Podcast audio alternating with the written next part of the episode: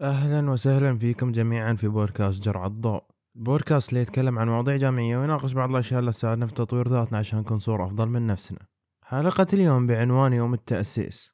لا لا أمزح بس حبيت أبارك لكم أول شيء ونقول لكم كل عام وأنتم بخير بمناسبة يوم التأسيس. والله يجعل أيامكم كلها سعادة. أنتم ومن يعز عليكم يا رب. حلقة اليوم بعنوان جمال الإنسان بالرضا. طبعا قبل ما أبدأ الحلقة لأول مرة أقولها من البداية ولكن شاركوا هذه الحلقة من يعز عليكم لأنها راح تحمل موضوع يعني أتوقع أنه أهم موضوع في البودكاست كامل أو أحد أهم المواضيع في البودكاست كامل. وغير هذا الشيء لأن أساسا الموضوع يعني تم بمساعدة الوالدة فأظن يعني واضح كيف راح تكون قوة الموضوع. خلال هذه الحلقة إن شاء الله راح أناقش وش هو الرضا أساسا؟ كيف أن إحنا نكون أشخاص نرضى بالواقع يعني الأمور اللي تحصل لنا أو الأشياء اللي عندنا. والشيء الثاني كيف إن إحنا نتغلب على المشاعر اللي تجينا أحيانا بالنقص أو الطمع الزايد؟ وش أسبابها؟ وكيف إن إحنا نحاول نتحكم فيها يعني؟ طيب بداية وش هو الرضا أساسا؟ الرضا من وجهة نظري هو إن أنت تقتنع بما لديك وتكتفي به. يعني مثلا تقتنع إن أنت مثلا والله عندك السياره الفلانيه تقتنع مثلا إن أنت عندك الجهاز الفلاني جوال مثلا أو لابتوب أو كذا. تقتنع إنه ترى يوفي حاجتك ما تحتاج أنت شيء ثاني. وراضي به ما تحس إن أنت يعني جاي إنك شعور إنه والله لا أنا أبغى الأفضل ما لا خلاص أنت مقتنع أنت راضي به لأنه هو يلبي احتياجاتك. ليش أنت مثلا تفكر إنك تاخذ شيء أقوى أو تفكر إنك تاخذ شيء أحدث؟ هذا من وجهة نظر عن تعريف الرضا. طيب نجي للنقطة الثانية اللي مهمة جدا جدا وهي الأسباب اللي تخلينا ما نرضى أحيانا ونطمع. أول حاجة وطبعا يعني هذا أظن ما حد يختلف عليها مقارنة النفس بالآخرين. سويت أنا حلقة كاملة عن المقارنة وتكلمت فيها بشكل تفصيلي. ولكن تحديدا في موضوع الرضا لما أنت تقارن نفسك بغيرك هالشيء راح يكون باب إلك أنه دائما تحس أن أنت منت راضي أنت الحين مثلا عندك الجوال الفلاني نفرض مثلا آيفون 14 تشوف شخص ثاني مثلا عنده آيفون 15 فبعض الأحيان لما مثلا هالشيء يتكرر عندك يعني أنت مثلا دائما تشوف الأشخاص اللي تقابلهم إنه دائما عندهم أحدث جوالات بيراودك شعور إن أنت تحس ترى تبغاه. مع العلم ما عندك احتياج له أنت ما تحتاج خلاص الجوال مكفنك ولكن لما الشيء يستمر يعني إن أنت دائما تشوف هذه الحادثة خلينا نقول أو دائما إن أنت تشوف هالشيء باستمرار هالشيء بيأثر على عقلك بيوهمك إن أنت تحتاج هالشيء عشان توصل لمرحلة الرضا. هو أساسا ما له علاقة. الرضا هي تجي قناعة من الإنسان نفسه.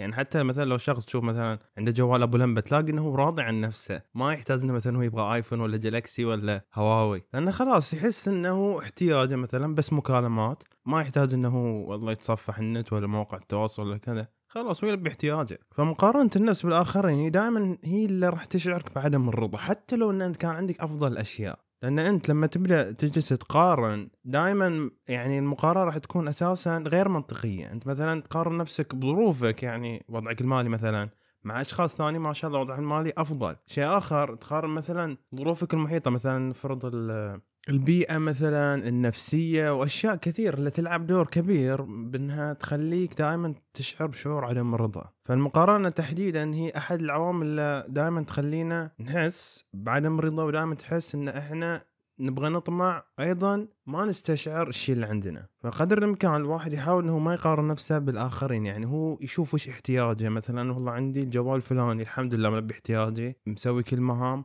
ما أحس إن أنا أحتاج شيء ثاني خلاص. بس لما أنت تبدا تجلس تقارن أو مع الوقت يعني يزداد هذا الشعور داخلك بتلاحظ إن أنت راح تحس بشعور عدم الرضا على العلم أن الشيء اللي عندك الحمد لله مكفيك وموفيك. الشيء الثاني طبعا المثالية الزائدة. أيضا هذا موضوع ثاني طرحته أنا فاللي حاب يستمع للحلقتين المقارنه والمثالية أو هوس المثالية كان اسمها يقدر يرجع لهم المثالية الزايده يعني في أحيانا نلاقي أشخاص وما أدري هل هو فلوس زايدة ولا هم دائما يبغوا يكونوا مثاليين بس عنده مثلا iPhone 14 نزل iPhone 15 على طول يروح يشتري. ليه تسأله ليش؟ تقول والله عشان كشخه ولا عشان ما أدري كذا. يعني في نفس الوقت هالشيء دائما راح يحسس الإنسان بنقص. يعني مثلا لو نزل جوال الفلاني ما قدر ياخذه هو يحس إنه بشعور عدم رضا. على العلم إن الشيء اللي عنده أساسا مكفنا وموفنا بس هو دائما يبغى يكون مثال قدام الناس مثلا أو بعضهم بعض الأشخاص يعني يبغى يكون زي ما تقول يتفشخر بالشيء. وهالشيء نوعا ما يعني دائما مثل ما نقول كشخته يعني تعتمد على رضا الناس وكيف يشوفوه. هنا يعني طامة كبرى مثل ما يقولوا.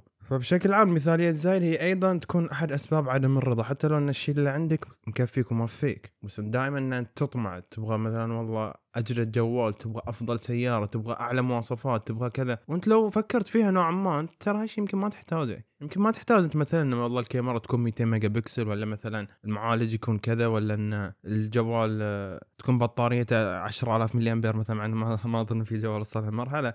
أو مثلا السيارة يكون فيها والله جميع سبل الرفاهية. ما تحتاج هالشيء تحتاج مثلا سيارة توديك وتجيبك. فيها مواصفات معينة حساسات وكذا. الشيء اللي يلبي احتياجك. ما يحتاج إن أنت تاخذ مثلا أعلى شيء فالمثالية الزايدة هي أيضا باب آخر إن أنت دائما تشعر بشعور عدم رضا. المثالية الزايدة طبعا راح تكون أيضا ممكن احد أسبابها أساسا إن يعني هي مرتبطة بالمقارنة مع الآخرين. الاثنين مرتبطين ببعض. إن أنت تبغى تكون مثالي أحيانا عشان أنت تبغى تتفشخر على الناس أو تبغى تكون مثالي عشان انه يغطي شعور النقص اللي تحس فيه. أحيانا يعني. الشيء الثالث وأظن هو يعني أهم نقطة حقيقة لأن ما أظن الأشخاص أساسا يعني دائما يقارنون نفسهم بالآخرين انهم يكونوا مثلا بزيادة لا. يعني أحيانا يجي عليهم هذا الشعور ولكن الشيء الثالث أظن بشكل دائم وهو إن أنت تسلط الضوء الدام على الأشياء اللي ما هي عندك. ركزوا على هذه النقطة ها. يعني مثلا أنت الحين عندك لابتوب عندك جوال. تلاحظ إنه دائما يجي في بالك إنه ترى أنا ما عندي آيباد.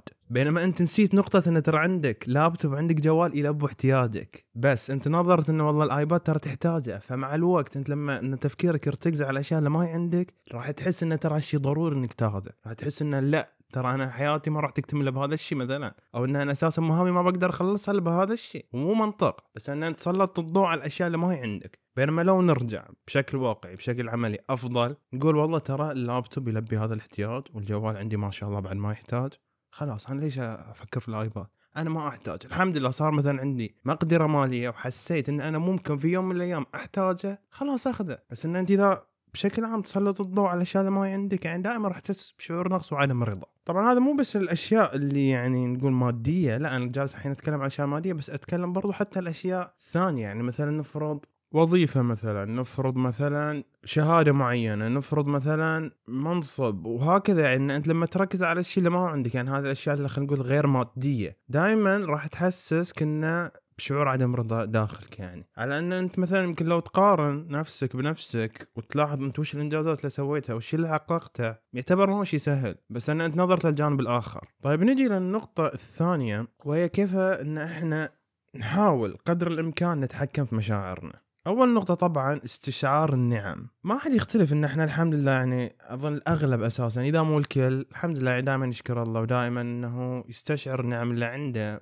ولكن في نقطة ما ما ما نلعب على بعض مثل ما يقولوا بنحس إنه ترى ما إحنا جالسين نحس بالنعم. يعني الأشياء اللي مثلا صرنا نسويها نفرض مثلا الحين أنا كل يوم أركب سيارتي مثلا كل يوم أمسك جوالي خلاص صار الشيء عندك عادي ما تشكر نعمة عليه لأنه حصلت عليه أنت. مو إن أنت جالس تنتظر مثلا إنك تحصل عليه أو إن أنت آه، ضليت فترة طويلة إن الشيء ما عندك بعدين فجأة جاء بيكون شعور مختلف نوعا ما. فتحديدا في هذه النقطة إن أنت دائما حتى لو إن الشيء أساسا عندك تحاول إنك تستشعر اللي عندك تقول الحمد لله أنا عندي السيارة الفلانية، الحمد لله أنا عندي الجوال الفلاني، الحمد لله على نعمة الصحة والعافية، يعني حتى الصحة والعافية أساسا هي ركيزة أساسية، الحمد لله مثلا على نعمة الصحبة الطيبة، العائلة وكل هذه الأشياء ان أنت تستشعر النعم اللي عندك، يعني ترى هذه أشياء ما هي بسيطة أساسا، والله سبحانه وتعالى يعني في القرآن الكريم يقول ولئن شكرتم لأزيدنكم. هذا دليل واضح أن أساسا شكر نعمة شيء جميل جدا وأيضا حتى استشعار النعم. فأحيانا الأشياء اللي عندنا واللي حصلنا عليها أساسا بعد مجهود ممكن في مرحلة ما نوصلنا إحنا ترى ما نستشعرها. بس لو إن إحنا دائما شكرنا ودائما قلنا الحمد لله ودائما إن إحنا حسينا بالنعم اللي عندنا راح يتغير تفكيرنا كليا.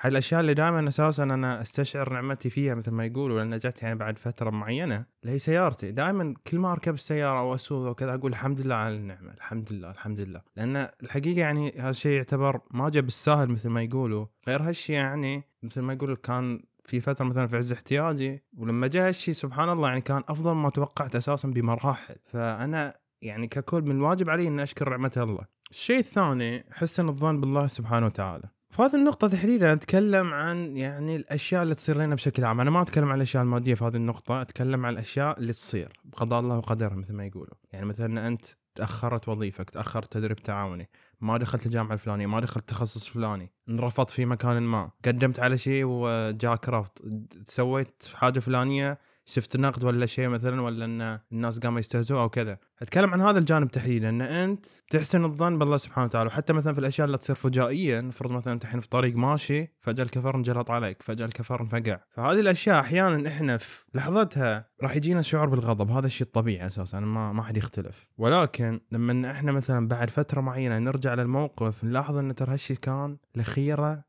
إلينا إحنا كأشخاص. تأخير مثلا مكان فلاني عشان يقبل كان خيره لأن الله سبحانه وتعالى كان يبغاك مكان أفضل. تأخير مثلا أنت ما وصلت المكان الفلاني بسيارك وانفقع عليك الكفر لأنه ممكن لا سمح الله يكون عليك حادث بعدين أقوى. فاحيانا هذه الأمور إحنا أساسا ما ندري وش خلفها وش الخيرة من الأمر فيها. فحسن الظن بالله سبحانه وتعالى مهم جدا جميع أمورنا. طبعا ما أتكلم عن الأشياء بس مثلا سالفة وظيفة ولا سالفة شيء صار يعني معين. في كل حاجة نتكلم في جميع جوانب الرضا. سواء الرضا بالذات سواء الرضا بال الاشياء اللي عندك سواء الرضا حتى بقضاء الله وقدره. كل هذه الأشياء أساسا مرتبطة بموضوع الرضا واساسا موضوع الرضا واسع يعني ولكن حبيت أتكلم عن هذه الجوانب. تعقيبا على هذه النقطة في مقول الإمام علي عليه السلام جميلة جدا يقول سعادة المرء القناعة والرضا. فيعني لو نلاحظ إن أساسا يعني في أشخاص ما شاء الله تبارك الله على إن الأشياء يعني انت, أنت تلاحظ عليهم إن الأشياء اللي ترى ما هي أفضل شيء ولكن راضين وقانعين. وهذا السبب اللي راح يوصلهم إلى إنهم يكونوا متزنين ويكونوا راضين بجميع الأشياء التي لديهم مثل ما يقولوا. وأيضا مثل نعرفه دائما اللي هو القناعة كنز لا يفنى إن أنت لما تكون مقتنع في الشيء دائما راح يحسسك إن أنت ترى عندك أفضل حاجة. راح يحسسك إن أنت ترى ما تحتاج هذا الشيء الفلاني كل هذا كلام فاضي. واساسا أنت مكتفي بالشيء اللي عندك ويلبي احتياجك مثل ما ذكرت يعني قبل. تلخيص الموضوع يعني دائما إحنا نحاول نستشعر النعم اللي عندنا نقتنع بالأشياء نعرف إن ترى بعض الأشياء اللي ما جت لنا هي من مصلحتنا أساسا. والأشياء اللي صارت في لها تأخير أيضا من مصلحتنا. يمكن مثل ما قلت أنا الله سبحانه وتعالى يبغاك مثلا في مكان أحسن في وضع أفضل يبغاك إن أنت تحصل على هذا الشيء بعد نقطة معينة. فكل هذه الأشياء هي خيرة إحنا ما ندري وش المغزى منها مثل ما يقولوا. بس بعدين لما مثلا نحصل عليها وبعدين لما يصير هذا الشيء راح نحس قلنا فعلا كل تأخيرة فيها خيرة. وأيضا مثل ما قلت أن قدر الإمكان قدر الإمكان نحاول أن إحنا نكون قنوعين بما لدينا. ما نحاول أن إحنا نقارن نفسنا بالآخرين وكذا. وحتى أيضا ما نحاول أن إحنا مثلا في يعني مثلا جانب معين إحنا ممكن نسويه راح يحسسنا بشعور عدم رضا. ومثلا أنت نفرض دائما تابع الأشياء التقنية ككل يعني الجوالات أنه كما ينزل جوال إصدار جديد. في نقطة ما بتحس أن أنت ترى تبغى هالشيء أنت أساسا ما تحتاجه. بس إن أنت مع استمرارك متابعة الريفيوات وإن الناس يتكلم عن الجوال ما شاء الله الكاميرا البطارية الرام المعالج وكذا بتلاحظ في نقطة ما تحس إن أنت ترى تبغاه. ولكن أنت أساسا ما عندك احتياج إليه بس بسبب استمراريتك على مشاهدة المقاطع حسسك إن أنت ترى تحتاج هالشيء. ختاما مع الأيام بتكتشف إن بعض الأشياء اللي كنت تظنها مهمة وضرورية هي ما كانت إلا أوهام في عقلك عشان تقتنع بها. هذا طبعا يعودنا إلى موضوع الجوال مثل ما قلت انه لما أنت تتابع ريفيوات بشكل مستمر في نقطة ما بتحس إن أنت تحتاج هالشيء وهالشيء ضروري الك بس في الواقع هي كلها يعني اوهام في حقك بس عشان يقنعك إن أنت ترى لك احتياج في هالشيء أيضا حتى في الأمور الثانية يعني مثلا بعض الأحيان أنت عشان انك توصل للمنصب الفلاني أو مثلا في بالك انه ترى لازم توصل لهالمنصب الفلاني ولا ترى أنت ما بترضى عن نفسك؟ وهالشيء أساسا كله يعني مثل ما تقول اوهام في عقلك عشان تقنعك إن أنت لما توصل لهالشيء بتكون راضي. واساسا ما بتوصل لهذا الشيء إذا وصلت المنصب يعني بتلاحظ إن أساسا وصلت ويمكن حتى ما يكون عندك مشاعر لهالشيء ممكن انه مثلا بعد معاناة أو كذا أو انه أساسا صابك حالة برود. بس لأن هالشيء مثل ما نقول وهم في عقلك عشان يحسسك انه ترى أنت بترضى إذا وصلت وان أنت ما بتكون على راضي نفسك إلا إذا وصل للمنصب الفلاني. أيضا شيء آخر يعني إحنا دائما أثناء خوضنا للمراحل معينة والتجارب وكذا إحنا دائما إن إحنا يجي في بالنا التساؤل إن هل أنا مستعد؟ إن دائما تبغى تكون مستعد 100% عشان أنت تكون راضي عن نفسك. ولكن لو عكس النقطة وقلنا إن إحنا ترى راح أخوض هذا الشيء وأحاول أستعد في الطريق مو قبل إن أنت تحاول توصل 100% راح تلاحظ إن مع الوقت أنت أساسا راح تكون راضي عن نفسك لأن أنت خضت التجربه وأنت ما انت مستعد كليا. بس مع الوقت راح تلاحظ إن مهاراتك تتطور راح تكون راضي عن نفسك. بينما لو إن أنت تنتظر لحظة مناسبة ترى ما في لحظة مناسبة لو جينا الواقع. أتمنى إن الحلقة نالت على إعجابكم وصلت لكم فائده منها. لا تنسوا تشاركوا في form تقييم البودكاست وأيضا تعطونا like وتتابعوا مواقع التواصل وتشتركوا في المنصة اللي تستمعوا منها. أتمنى للجميع دوام التوفيق والنجاح. نراكم على خير الأسبوع القادم وفي أمان الله.